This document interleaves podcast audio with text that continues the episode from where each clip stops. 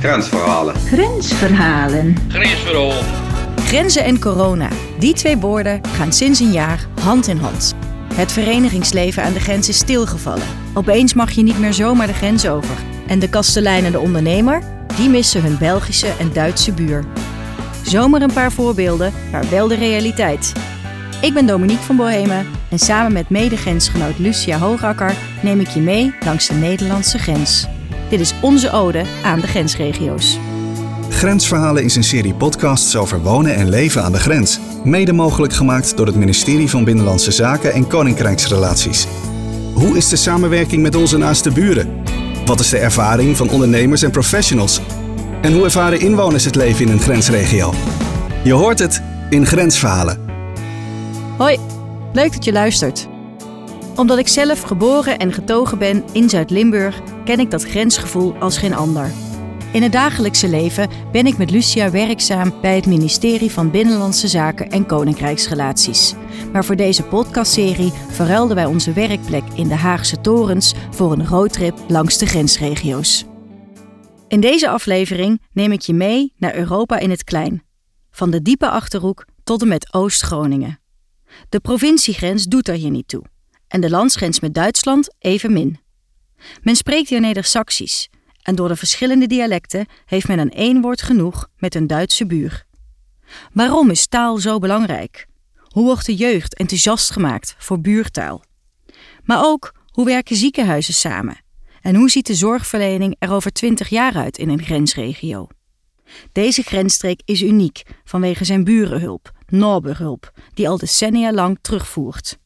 Elkaar helpen is hier vanzelfsprekend op elk gebied. Men voelt zich hier in het hart van Europa. Wie dat mij was, wie dat mij was, wie dat mij was vandaag. Ik heb de banden vol met vis, die ik heb ja niks te klagen. De grensregio's in Oost- en Noord-Nederland kennen een lange samenwerking met het buurland Duitsland. Van Oldambt in Groningen tot in de diepe achterhoek bij Dingsperlo wonen ruim 5,3 miljoen mensen. Het zijn vier bijzondere gebieden: de achterhoek, Twente, Drenthe en Oost-Groningen, waar iedereen zich wel verbonden voelt met elkaar. Hun taal, het Neder-Saxisch, maakt dit extra bijzonder. Uiteraard met eigen klanken en woorden, maar in de basis spreekt men eenzelfde taal. Deze regio ademt Europa. Iedere streek heeft ook eigen typische dingen. Zo kun je in de achterhoek rokken met normaal, genieten van voetbalclub De Graafschap en van Grolsbier. In Twente bij de Tukkers zijn ze eigenzinnig, trots en soms wat tegendraads, maar altijd gastvrij en houden enorm van hun tradities. Groningers staan bekend als koppig en stuurs, al is dat niet te merken als het gaat om samenwerking aan de grens. Zij zien de ligging aan de grens juist als een kans en niet als een belemmering. Dit is deels terug te voeren op de geschiedenis. Vroeger waren de landsgrenzen in dit deel van Nederland heel onduidelijk. En zelfs tot op de dag van vandaag bestaan hier meningsverschillen over. Maar als de geschiedenis ergens in Nederland tot leven komt, is het wel in Drenthe. Waar bijna alle hunnebedden staan. Maar we kennen Drenthe natuurlijk ook van de bekende zanger Daniel Lohuis. Het mogen duidelijk zijn, in deze grensregio is de prehistorie alom vertegenwoordigd. Niet alleen dankzij de wonderschone natuur of de hunnebedden, maar het wordt vooral in stand gehouden door de mensen. Het is een toneel met constant wisselende coulissen.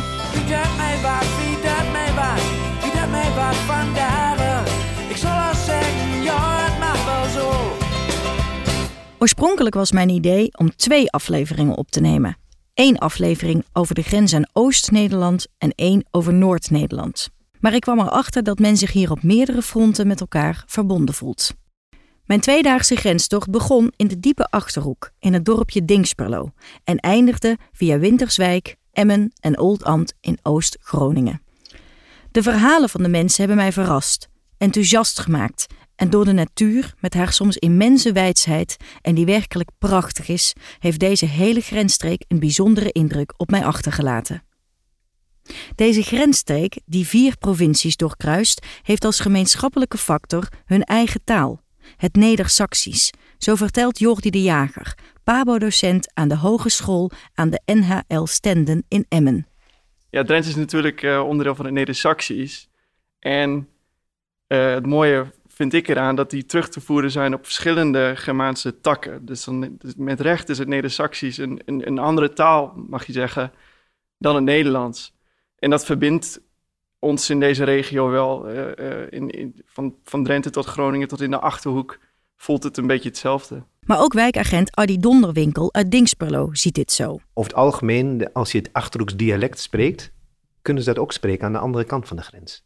Dus er is veel verbondenheid daarmee. En dat taal verbindt geldt ook voor Oost-Groningen. Zo herinnert zich burgemeester Cora Yveske Sikkema uit Oldambt. Vroeger als we op vakantie gingen en waren over de grens. En ik kon helemaal geen Duits, maar mijn vader kon gewoon plat Gronings praten en verstonden ze elkaar. Het belang van taal en daarmee het behoud van buurtaal komt straks uitgebreid aan de orde. Maar naast taal is het ook de natuur die hen verbindt. Toen ik door de uitgestrekte velden van de Achterhoek richting Enschede, Emmen en vervolgens de Hunnebed Highway nam en koers zette richting Oost-Groningen, zag ik een deel van Nederland dat ik nog niet kende. En ik ben overvallen door de mooie natuur en wijsheid. En ik kwam erachter dat voor die letterlijke ruimte die ik ervaarde een woord bestaat.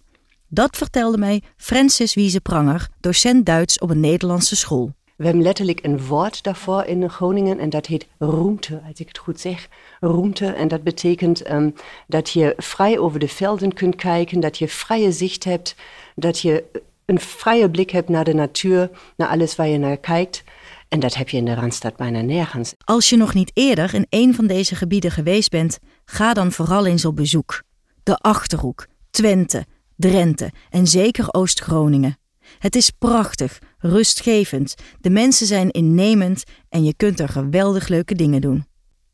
Taal verbindt, de natuur verbindt, maar ook families verbinden hier.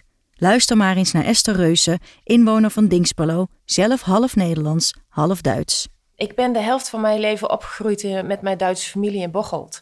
Dus wij gingen echt drie keer per dag gingen wij uh, de grenzen over vroeger nog. Met, uh, met onze Opel Cadet, zeg maar. En later record met de familie. En dan werd natuurlijk van alles over de grens gesmokkeld wat niet mocht. Dus mijn vader die gaf altijd instructies van uh, jullie weten het. Dan zaten we op de achterbank mijn zusje en ik. Uh, ik was zes en mijn zusje vier of zo. En dan uh, gingen we net voor de grens moesten wij natuurlijk stil zijn wat er allemaal in de auto zat. En dan ja, werd natuurlijk gevraagd door de douane of er iets aan te geven was. Maar ook schetst Esther hier hoe dichtbij de grens voor haar was als kind. Er ligt hier een mooi fotoboek van zo'n retro jaren zeventig gekafte. Met allerlei kleuren. En die is, ja, dat is een fotoboek van mij van vroeger.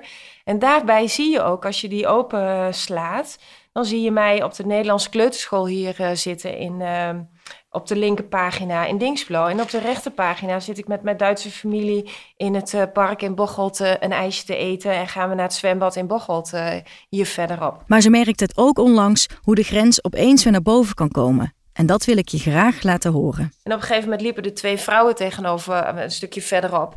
En um, het was half tien of zo. En die hadden geen hond. Dus ik dacht, oh, nou, volgens mij... Maar misschien hebben ze een werkgeversverklaring, hoe dan ook. Maar dan kwam een auto aan van de handhaving uh, achter mij. En de vrouwen staken netjes rustig de straat over... en liepen aan de andere kant. En toen dacht ik, oh ja, Duitsland heeft natuurlijk geen avondklok. Dus ik moest ook lachen dat ik dacht...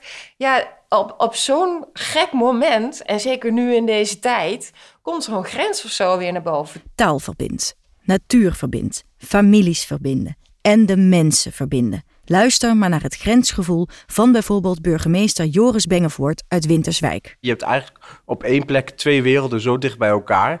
Ja, dat vind ik wel heel speciaal.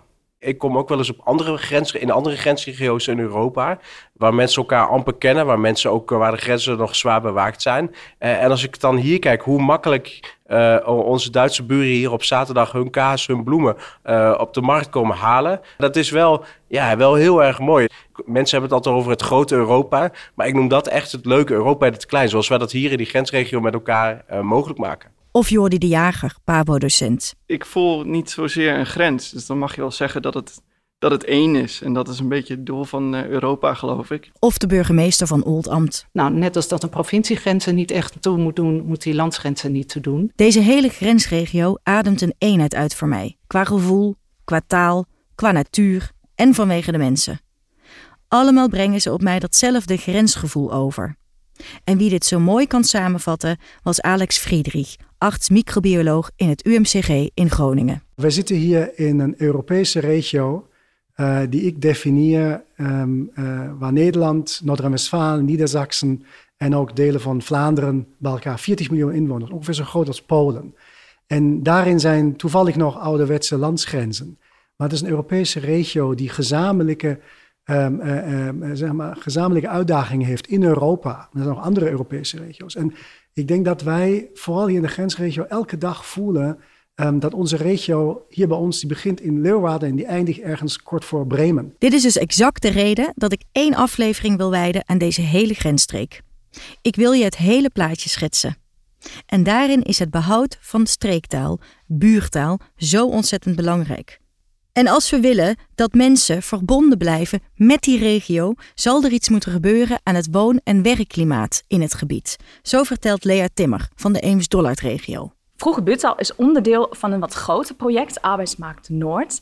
En daar gaan we ervan uit dat we onderwijs en arbeidsmarkt gaan verbinden en zo een geheel van onze regio kunnen maken. En dat wordt aangevuld door Barbara Pechman-Verbeek van de gemeente Enschede. Je leeft aan de grens. Um, uh, dus het is ook uh, algemene ontwikkeling dat je weet van vroeger waren wij gewoon één land en nu is er een grens. Ja, waar gaat dat eigenlijk over? Maar ook door Francis Spranger-Wiese, docent Duits op een Nederlandse school.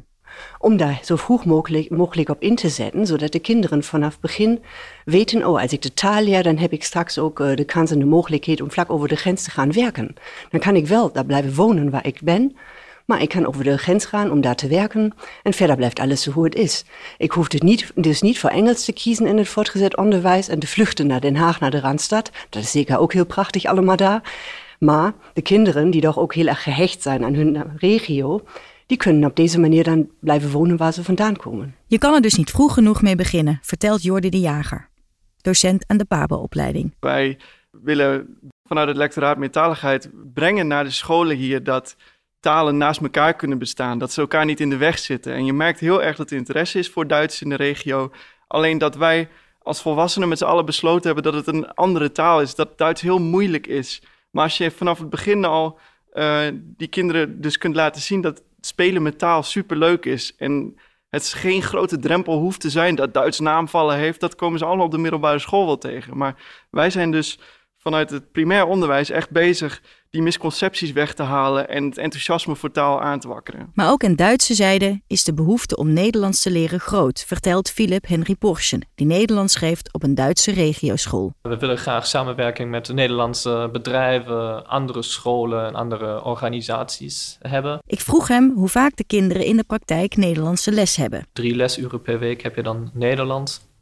Schrijf je ook proefwerken in en uh, ja, daar leren ze dat, dat uh, vanaf groep 7 tot uh, 10 leren ze dan Nederlands. En wat het resultaat is? Ja, het resultaat dat ze met iemand anders hebben gewerkt en hun eigen taalvaardigheid konden uh, testen en konden zien dat ze iets hebben geleerd. En dat buurtaal zo belangrijk is, snap ik wel. Zelf ben ik opgegroeid met veel Duitse televisie. Het werd mij met de paplepel ingegoten. Dat ga ik straks ook eens aan de staatssecretaris van Binnenlandse Zaken en Koninkrijksrelaties vragen. Maar tegenwoordig Netflix won suf. Dus ik snap ook heel goed dat een project als buurtaal zo belangrijk is. En dat weten ze in deze grensregio maar al te goed. Ze zijn allemaal opgegroeid met Duitse televisie, met de zender met der Maus en zulke dingen. Maar die kinderen van hier en nu en ook de jeugd, die kent dat allemaal niet meer. Die heeft er helemaal niks mee. De oudere generatie, dat die allemaal heel goed Duits spreken. En dat heeft echt werkelijk te maken met televisie. Vandaar is het beeld ook um, dat jongeren dat ook allemaal weten en kunnen en zo. Maar ik weet het dus heel goed dat het dus niet zo is. En dat die jongeren naar mij kijken en zeggen, nou mevrouw, ik spreek helemaal geen Duits. Ik snap er helemaal niks van. Want televisiezenders... Uh, uh, ja, die noodzaak die bestaat er niet meer. En die zenders die heb je ook niet meer in die programma's. En jongeren van, van hier en nu, die kijken Netflix. Ja, dus je moet het echt op een heel andere manier gaan aandragen. Jordi de Jager heeft ook nog een mooie quote. Ik las van de week nog een quote um, van het Huis van de Tal. Uh, van de oud-directeur Jan Germs. Die zei dat zijn zoon naar de supermarkt in Duitsland was gegaan. Um, en verontwaardigd terug had gezegd van... maar ze spreken ja helemaal geen Engels hier. En dat willen we juist weer omdraaien. Dat we die, die, die gezamenlijke taal. Want met je eigen dialect hier kom je gewoon met, eh, kun je gewoon praten met elkaar. En lukt het niet in je dialect, dan kan het in het Duits. En, en eigenlijk zou Engels gewoon een laatste redmiddel moeten zijn. Ehm, van vroeger uit is dialect heel erg weggehaald. Duits kon iedereen vroeger. Ze keken naar tv, er waren Duitse zenders. En zowel de streektaal als het Duits, dat lijkt weg te hebben. En daar willen we echt eh, een, een ommekeer in brengen. Juist omdat het zo mooi is om het allemaal met elkaar te delen hier. Omdat er zoveel gemeenschappelijke factoren zijn. En ook René Bogaerts van de Euregio vertelt hoe leuk het is als je die gemeenschappelijkheid weet te behouden onder bijvoorbeeld studenten. Ik ben wel eens op pad geweest met jonge studenten en eh, kwamen we in Duitsland in een restaurant en die gingen plat eh Twents praten en hij praatte, praatte in plats eh, Duits terug. En die verstonden elkaar. Dus dat is belangrijk. Francis Pranger-Wiese vat het tot slot mooi samen. Ik vind het heel belangrijk om die kinderen dat mee te geven. Dat het gewoon heel erg leuk is om de taal te leren. Um, wij zijn buren, we zijn vrienden. Wij moeten met elkaar. We kunnen heel goed met elkaar. En taal is een heel belangrijk en essentieel tool om iets uh, als handvat te hebben om verder met z'n uh, met z'n allen verder te kunnen. Dit is een mooie afsluiting van dit thema. Een ander thema waar ook nog een hoop belemmeringen zijn weg te nemen is de zorg. Dat staat in deze aflevering ook centraal. Want het blijkt in deze hele regio minder tot bijna niet aantrekkelijk te zijn om te kiezen voor de zorg die het dichtst bij is. De landsgrens is dan weer keihard aanwezig. Hierover sprak ik arts-microbioloog Alex Friedrich en viroloog Jochen Mirau, beide werkzaam in het UMCG Groningen. Mijn centrale vraag aan hen: hoe organiseer je de juiste zorg in een grensregio? Als eerste hoor je Jochen Mirau. Het zijn twee uitstekende zorgsystemen met elk hun eigen uh, bijzonderheden. En wat we moeten doen in de regio's is leren van elkaar. De kracht voor de oplossing van de problemen die liggen in een regio. En dan wil je kijken aan beide kanten van de grens. Want ze zijn cultureel, uh, genetisch, historisch zijn bijna dezelfde mensen. Er ligt alleen een grens tussen. Interessante opvatting. Zo heb ik er nog niet eerder naar gekeken. Hoe kijkt Alex Friedrich hier tegenaan? Met name omdat hij zelf afkomstig is uit Duitsland en verhuisde naar Nederland als arts en als mens. Het was voor mij, ik kwam uit Münster uh, hier naartoe. Uh, uh, mensen die niet uit de grensregio komen, dachten, ja, die gaat naar het buitenland. Mensen uit de grensregio wisten, hij blijft in de Euregio. en hij blijft in de grensregio. En dat was ook zo.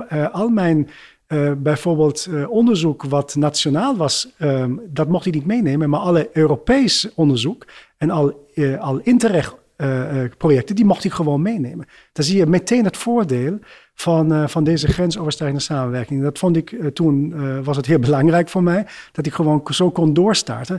Daar had ik, voelde ik meteen van Europa helpt mij als burger. Dit laat heel goed de scheiding zien. Dus willen we wel Europees doen, dan moet dat dus wel binnen de grenzen van de wet. Interreg staat trouwens voor Europese territoriale samenwerking en is bedoeld om Europa sterker te maken op bepaalde samenwerkingen binnen de regio's. Maar hoe zorgen we ervoor dat we dit probleem eigenlijk niet meer hebben? Wat vinden Alex en Jochen hiervan? De juiste zorg op de juiste plek en wanneer het beter is voor de patiënt, ook net over de grens. En dat betekent dat je eigenlijk alles moet meenemen. Niet alleen de, de, de, de patiëntenzorg, maar eigenlijk begint al bij de studenten, geneeskunde, die worden opgeleid, zoals hier met de European Medical School, Oldenburg Groningen. En dan heb je de um, vervolgopleiding, die kun je dan ook grensoverstijgend organiseren. En dan de medisch specialisten. Um, dan, dan heb je dat probleem eigenlijk niet meer. Zij stellen dat samenwerking en doordenken de kracht van de regio is. Zo vervolgt Alex Friedrich. De grensregio over te stijgen is niet om uit je eigen systeem te vluchten, omdat je het ergens thuis niet krijgt. Maar het gaat erom 1 plus 1 is 3 te maken. Je komt dan dingen tegen en zeggen van oké, tot nu toe hebben we het op de verschillende manier gedaan. Kunnen we in de toekomst van leren om in de grensregio een nieuwe Europese cultuur te ontwikkelen? Europese communicatie te ontwikkelen. Europese manier van denken, van, van, van zorg leveren. Jochen Mirau. In veel grensgebieden is, is de zorg al vrij dun gezaaid. Uh, dus het kan ook een gevoel van concurrentie geven. Van nee, ik ben hier naartoe verhuisd, uh, nu wordt de grens open uh, en er gaan straks al mijn patiënten weg. Hoe zit dat? En dat is een korte termijn probleem, wat voor iemand in een carrière als medicus een, een substantieel deel van zijn of haar carrière kan zijn. Precies die regio als thuisgebied. Dus du moment dat je over de grens zorg wilt, omdat dat simpelweg praktischer is, lopen inwoners letterlijk tegen de landsgrens aan. Dat maakt mij nieuwsgierig of zij zelf ook aangelopen zijn tegen grenzen. Je hoort hier Jochen Miro. Uh, ik heb het wel eens gepoogd. Uh, dus mijn, uh, mijn galblaas moest vorig jaar eruit. Twee jaar geleden. En eh, de wachtlijsten hier in het noorden waren vrij lang. Eh, dus ik heb op een gegeven moment eh, met een ziekenhuis in Leer gebeld. Nou, dan krijg je gewoon offerte opgestuurd. En ehm, daarmee hebben we gesproken met de zorgverzekeraar. Eh, en hij zei van, nou, we, zoeken wel een plek in Nederland. En toen kon ik heel snel in één keer in Amsterdam terecht. En dat was goed op zich. Hebben go- uitstekende zorg gekregen. Eh, maar achteraf is natuurlijk wel de vraag, waarom Amsterdam en waarom niet Leer? Maar het, het, A, het kan dus, ook in Nederland. Eh, maar B, het had een Leer had het ook gekund. En kijk, voor mijn situatie maakt het niet zoveel uit. Hè. Ik, ik kan daarheen rijden, rijden weer terug, niks aan de hand. Eh, maar met name voor mensen die wat ouder zijn, is die afstand wel problematisch. En ik denk dat we daar toch over na moeten denken hoe we, gezien alle belangen die er spelen in een regio, ervoor kunnen zorgen dat we stukje bij beetje steeds meer die regio gaan zien als, eh, als thuisgebied. Ook de burgemeester van Old-Ambt heeft de afgelopen periode, ingegeven door de coronacrisis, gemerkt wanneer de landsgrens geen en wel een rol speelt. Op het moment dat onze IC's vol lagen, konden de patiënten naar Duitsland. Dus ik dacht, hè, dat is hartstikke mooi en fijn. En laten we, soms moet je van de nood een deugd maken. Hè? Van hoe, als dit zo kan, waarom kan dat niet op andere vlakken? Dus ik was best teleurgesteld om te zien dat een zorgverzekeraar na die eerste piek in de krant zei van nee, voor de reguliere zorg kunnen we niet zomaar naar het buitenland. Deze voorbeelden laten zien dat samenwerking en welwillendheid in crisis aanwezig zijn. Maar juist in het leven van alle dag is het voor inwoners in de grensregio nog ver weg. Maar wat me vooral bijbleef uit deze gesprekken is hun toekomstroom, het Europese gevoel daarbij en het grensoverstijgend denken. Alex Friedrich vat het voor mij heel mooi samen. Ja, je bent, eh, je bent in een regio die, ehm, eh, die aan zich een eh, fantastisch qua natuur, moet ik eerlijk zeggen. Maar het is vooral het feit dat je eigenlijk voel je hier de, de puls van Europa. Omdat je, je, je, je zit hier in de grensregio en je hebt, doordat hier twee werelden bij elkaar komen, twee systemen die natuurlijk voor heel veel dingen vergelijkbaar zijn, maar toch anders. En je kunt daar overheen. En ik ga echt soms eh, samen met eh, mijn vrouw, dan gaan we echt op de grens staan. eh, letterlijk op de grens te zien en zien, kijk, hier is Europa. En dan zie je dat een, hier, zijn de, hier zijn twee verschillende mogelijkheden hoe Europa zich kan uitdrukken. En die zijn fantastisch. En ze, we kunnen van, van beide het beste uit beide pappen de krenten halen en dan doorvertellen. En zo kunnen we met elkaar sterker worden. En dat voelt je echt, hier voel je echt, je bent hier thuis in Europa. Thuis in Europa. Het werd in het begin van deze podcast al even aangehaald door de burgemeester van Winterswijk. Europa in het klein. Ook de titel van deze aflevering. En met die blik wil ik deze roadtrip eindigen voordat ik ook in deze aflevering mijn oor te luisteren leg bij de staatssecretaris van Binnenlandse Zaken en Koninkrijksrelaties. Nou was er vroeger, en dat bedoel ik na de Tweede Wereldoorlog, wel een ander gevoel met al die douaneposten om de grens over te gaan. Maar de fysieke grens was niet van invloed op hun gevoel jegens hun buren. Luister maar eens naar Freek Diersen uit Dinxperlo van het Grenslandmuseum. Aan de Duitse kant was na de oorlog heel weinig eh, eh, voorraad aan voedsel en dergelijke. Daar moest je elkaar in helpen. En wij noemen dat onderhand niet smokkelen, maar wij noemen dat nu burenhulp. Naberhulp is dat. Dan werd je daarop gecontroleerd en dan moesten vrouwen die moesten zich helemaal uitkleden, want die hadden pakjes boter op hun vel. Hè?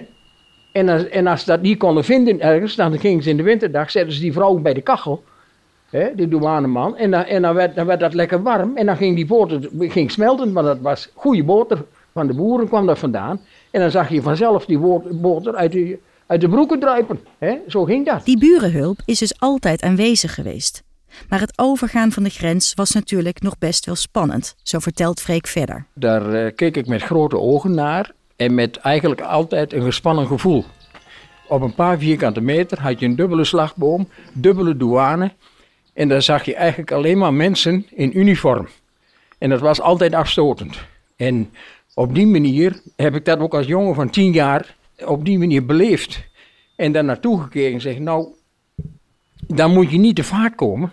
Want dat brengt niks. Eigenlijk is dat min of meer, voelde ik dat als een soort verboden terrein. Die grenspalen en douanehuisjes zijn weg en hebben plaatsgemaakt voor een gemeenschappelijke deler, zoals verwoord door de Nederlandse wijkagent Adi Donderwinkel en de Duitse wijkagent Jurgen Schutter. Wij zitten hier op Nederlands grondgebied, rond eh, 250 meter af van de grens. Het is een officiële grens met Duitsland, maar aan de andere kant, die grens is al hele lange tijd niet meer aanwezig. De criminelen die aan de ene kant van de grens zijn, stappen over naar de andere kant. Die criminaliteit houdt niet op bij een grens. Die hebben wij gewoon niet meer. Vandaar dat de samenwerking met de Duitse politie, de Duitse douane en dan de Nederlandse politie en de Nederlandse marché heel belangrijk is. En daarom is het hier hartstikke mooi voor elkaar dat we hier gewoon een internationaal politiebureau hebben in Winsblo. Door Johannes Hoven van het Grenslandmuseum. Wij voelen ons als uh, gemeenzame heimat, noemen we dat in Duitsland. Door de burgemeester van Winterswijk. Het hoort gewoon, eigenlijk zijn we gewoon één gebied. We zijn veel meer één dan, uh, er zijn veel meer dingen die we samen hebben dan dat ons nog echt scheidt met elkaar. Omdat het belang en ook de energie van een grensregio te zien. En als je het nog niet weet, moet je zeker hier een keer komen kijken. Door Alex Friedrich. Daarin, daar, daarin zit de toekomst. Daarin wordt um, onderwijs gegeven. Studenten gaan over de grens. Um, we gaan ondernemers natuurlijk. De samenwerking gebeurt hier. Innovatie ontstaat. En zorg natuurlijk is noodzakelijk. En ik denk dat wij dat dat, dat en in Hannover of Berlijn en ook in Den Haag niet kan worden gezien, omdat ze anders zijn gedefinieerd. We hebben de lidstaten voor Europa, dat is heel belangrijk, en we hebben de grensregio's. En een derde van de uh, mensen in Europa wonen in grensregio's. En we hebben alle dezelfde uitdagingen. Ik denk dat wij nog een. Ja, we hebben nog niet de stem in Europa als grensregio's, maar een derde van de mensen uh, die krijgen in de toekomst zeker een stem. En, uh, en we gaan het wel duidelijk maken, omdat hier innovatie veel sneller kan gebeuren. Vooral de innovatie van good practice. Als er iets goeds is bedacht in één lidstaat, dan kan dat niet via Brussel naar de andere. Copy-paste werkt niet. Maar grensregio's zijn een soort van um, vertaling van de good practice van het ene systeem in het andere systeem, dat we elke dag elkaar kunnen ontmoeten. Door Floor Haanstra, werkzaam bij Nuffic. Het besef, en daar zal deze podcast ook aan bijdragen, hoop ik, dat, uh, dat de grensregio een heel andere werkelijkheid is dan, dan de Randstad. Door Francis Pranger-Wiese. Dat Groningen en onze mooie regio zwaar onderschat worden in Den Haag. Het is namelijk werkelijk heel prachtig. Die mensen zijn heel eerlijk, open en direct. Het is wunder, wunderschoon qua natuur. En ja, Groningen heeft zoveel meer te bieden dan, dan, dan mensen weten. Dus kom eens zelf kijken. Door Jochen Mirau. Wat je nu ziet, hè, is dat het het grensinformatiepunt voor grensoverschrijdende zorg is in Den Haag. Daar is geen grens in de buurt. Daar is nu met de brexit is er een halve grens in het water, een stukje verderop, bij Scheveningen. Maar er is geen grens daar. Dus ik denk dat als je dat serieus wil doen en ook vanuit de regio's wil doen, dan zul je als eerste punt, moet je die grensoverschrijdende informatiepunten, dat is iets heel kleins, maar dat moet je naar de regio verplaatsen. En een constant dialoog met de regio en de stakeholders aan weerszijden Oké, hoe gaan we dit opbouwen? Ik ga mijn oren eens te luisteren leggen bij de staatssecretaris van Binnenlandse Zaken en Koninkrijksrelaties, Raymond Knops. Hij heeft zich de afgelopen vier jaar met veel energie ingezet om belemmeringen aan de grens zoveel mogelijk weg te nemen. Hem leg ik een aantal dingen voor. Als eerste vroeg ik de staatssecretaris hoe bekend dit gebied voor hem is. Je komt er niet zo vaak doorheen, dus je moet er naartoe. Nou, ik heb er zelf geen familie wonen, ik was er natuurlijk wel eens geweest. Maar dat zijn oppervlakkige bezoeken, zou je kunnen zeggen. En nu word je gewoon uh, geconfronteerd ook met in dit geval uh, uh, niet alleen de eigenheid van de mensen en, en wat ze bezighoudt, maar vooral ook de problemen die opgelost moesten worden. En waar natuurlijk het Rijk een grote verantwoordelijkheid voor draagt. Ook gaf hij mooi weer hoe je naar afstand kunt kijken. En dan zie je ook wat afstand doet. Hè? Dus het, het ver af zitten van Den Haag. Wat allemaal relatief is, hè? want Den Haag is ook ver af van andere uh, gebieden. Uh, maar omdat Den Haag de regeringszetel uh, is, maakt dat mensen toch al snel het gevoel hebben van wij, wij horen er niet bij of wij, er is onvoldoende aandacht voor ons. Ja, zoals mijn zoontje ooit zei, papa, waarom hebben ze Den Haag aan de rand van Nederland neergelegd? Waarom zit de Tweede Kamer aan de rand van Nederland? Is maar net hoe je ernaar kijkt, met welke bril. Juist omdat Den Haag aan de rand ligt, omdat hier het beleid bepaald wordt, uh, zie je gewoon vaak op kaarten of in beleidsstukken dat Nederland ophoudt bij de staatsgrens.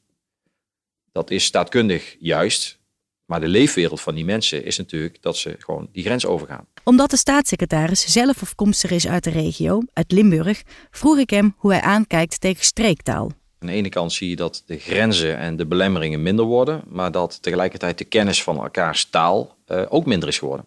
Hij zou denken dat als die grens minder is geworden en die belemmeringen minder is geworden, dat je beter elkaars uh, taal spreekt. Maar daar zit een andere ontwikkeling uh, achter. En dat is namelijk dat de internationalisering uh, en het globaliseren en het verengelsen van onze samenleving ook via eh, social media en, en YouTube en dat soort zaken, dat, dat de kinderen van tegenwoordig niet meer met de zending met de mouse eh, opgroeien, maar met allemaal eh, Engelstalige YouTube-filmpjes. en dat bepaalt natuurlijk, zeker op die leeftijd, dat ze daar veel bevattelijker voor zijn.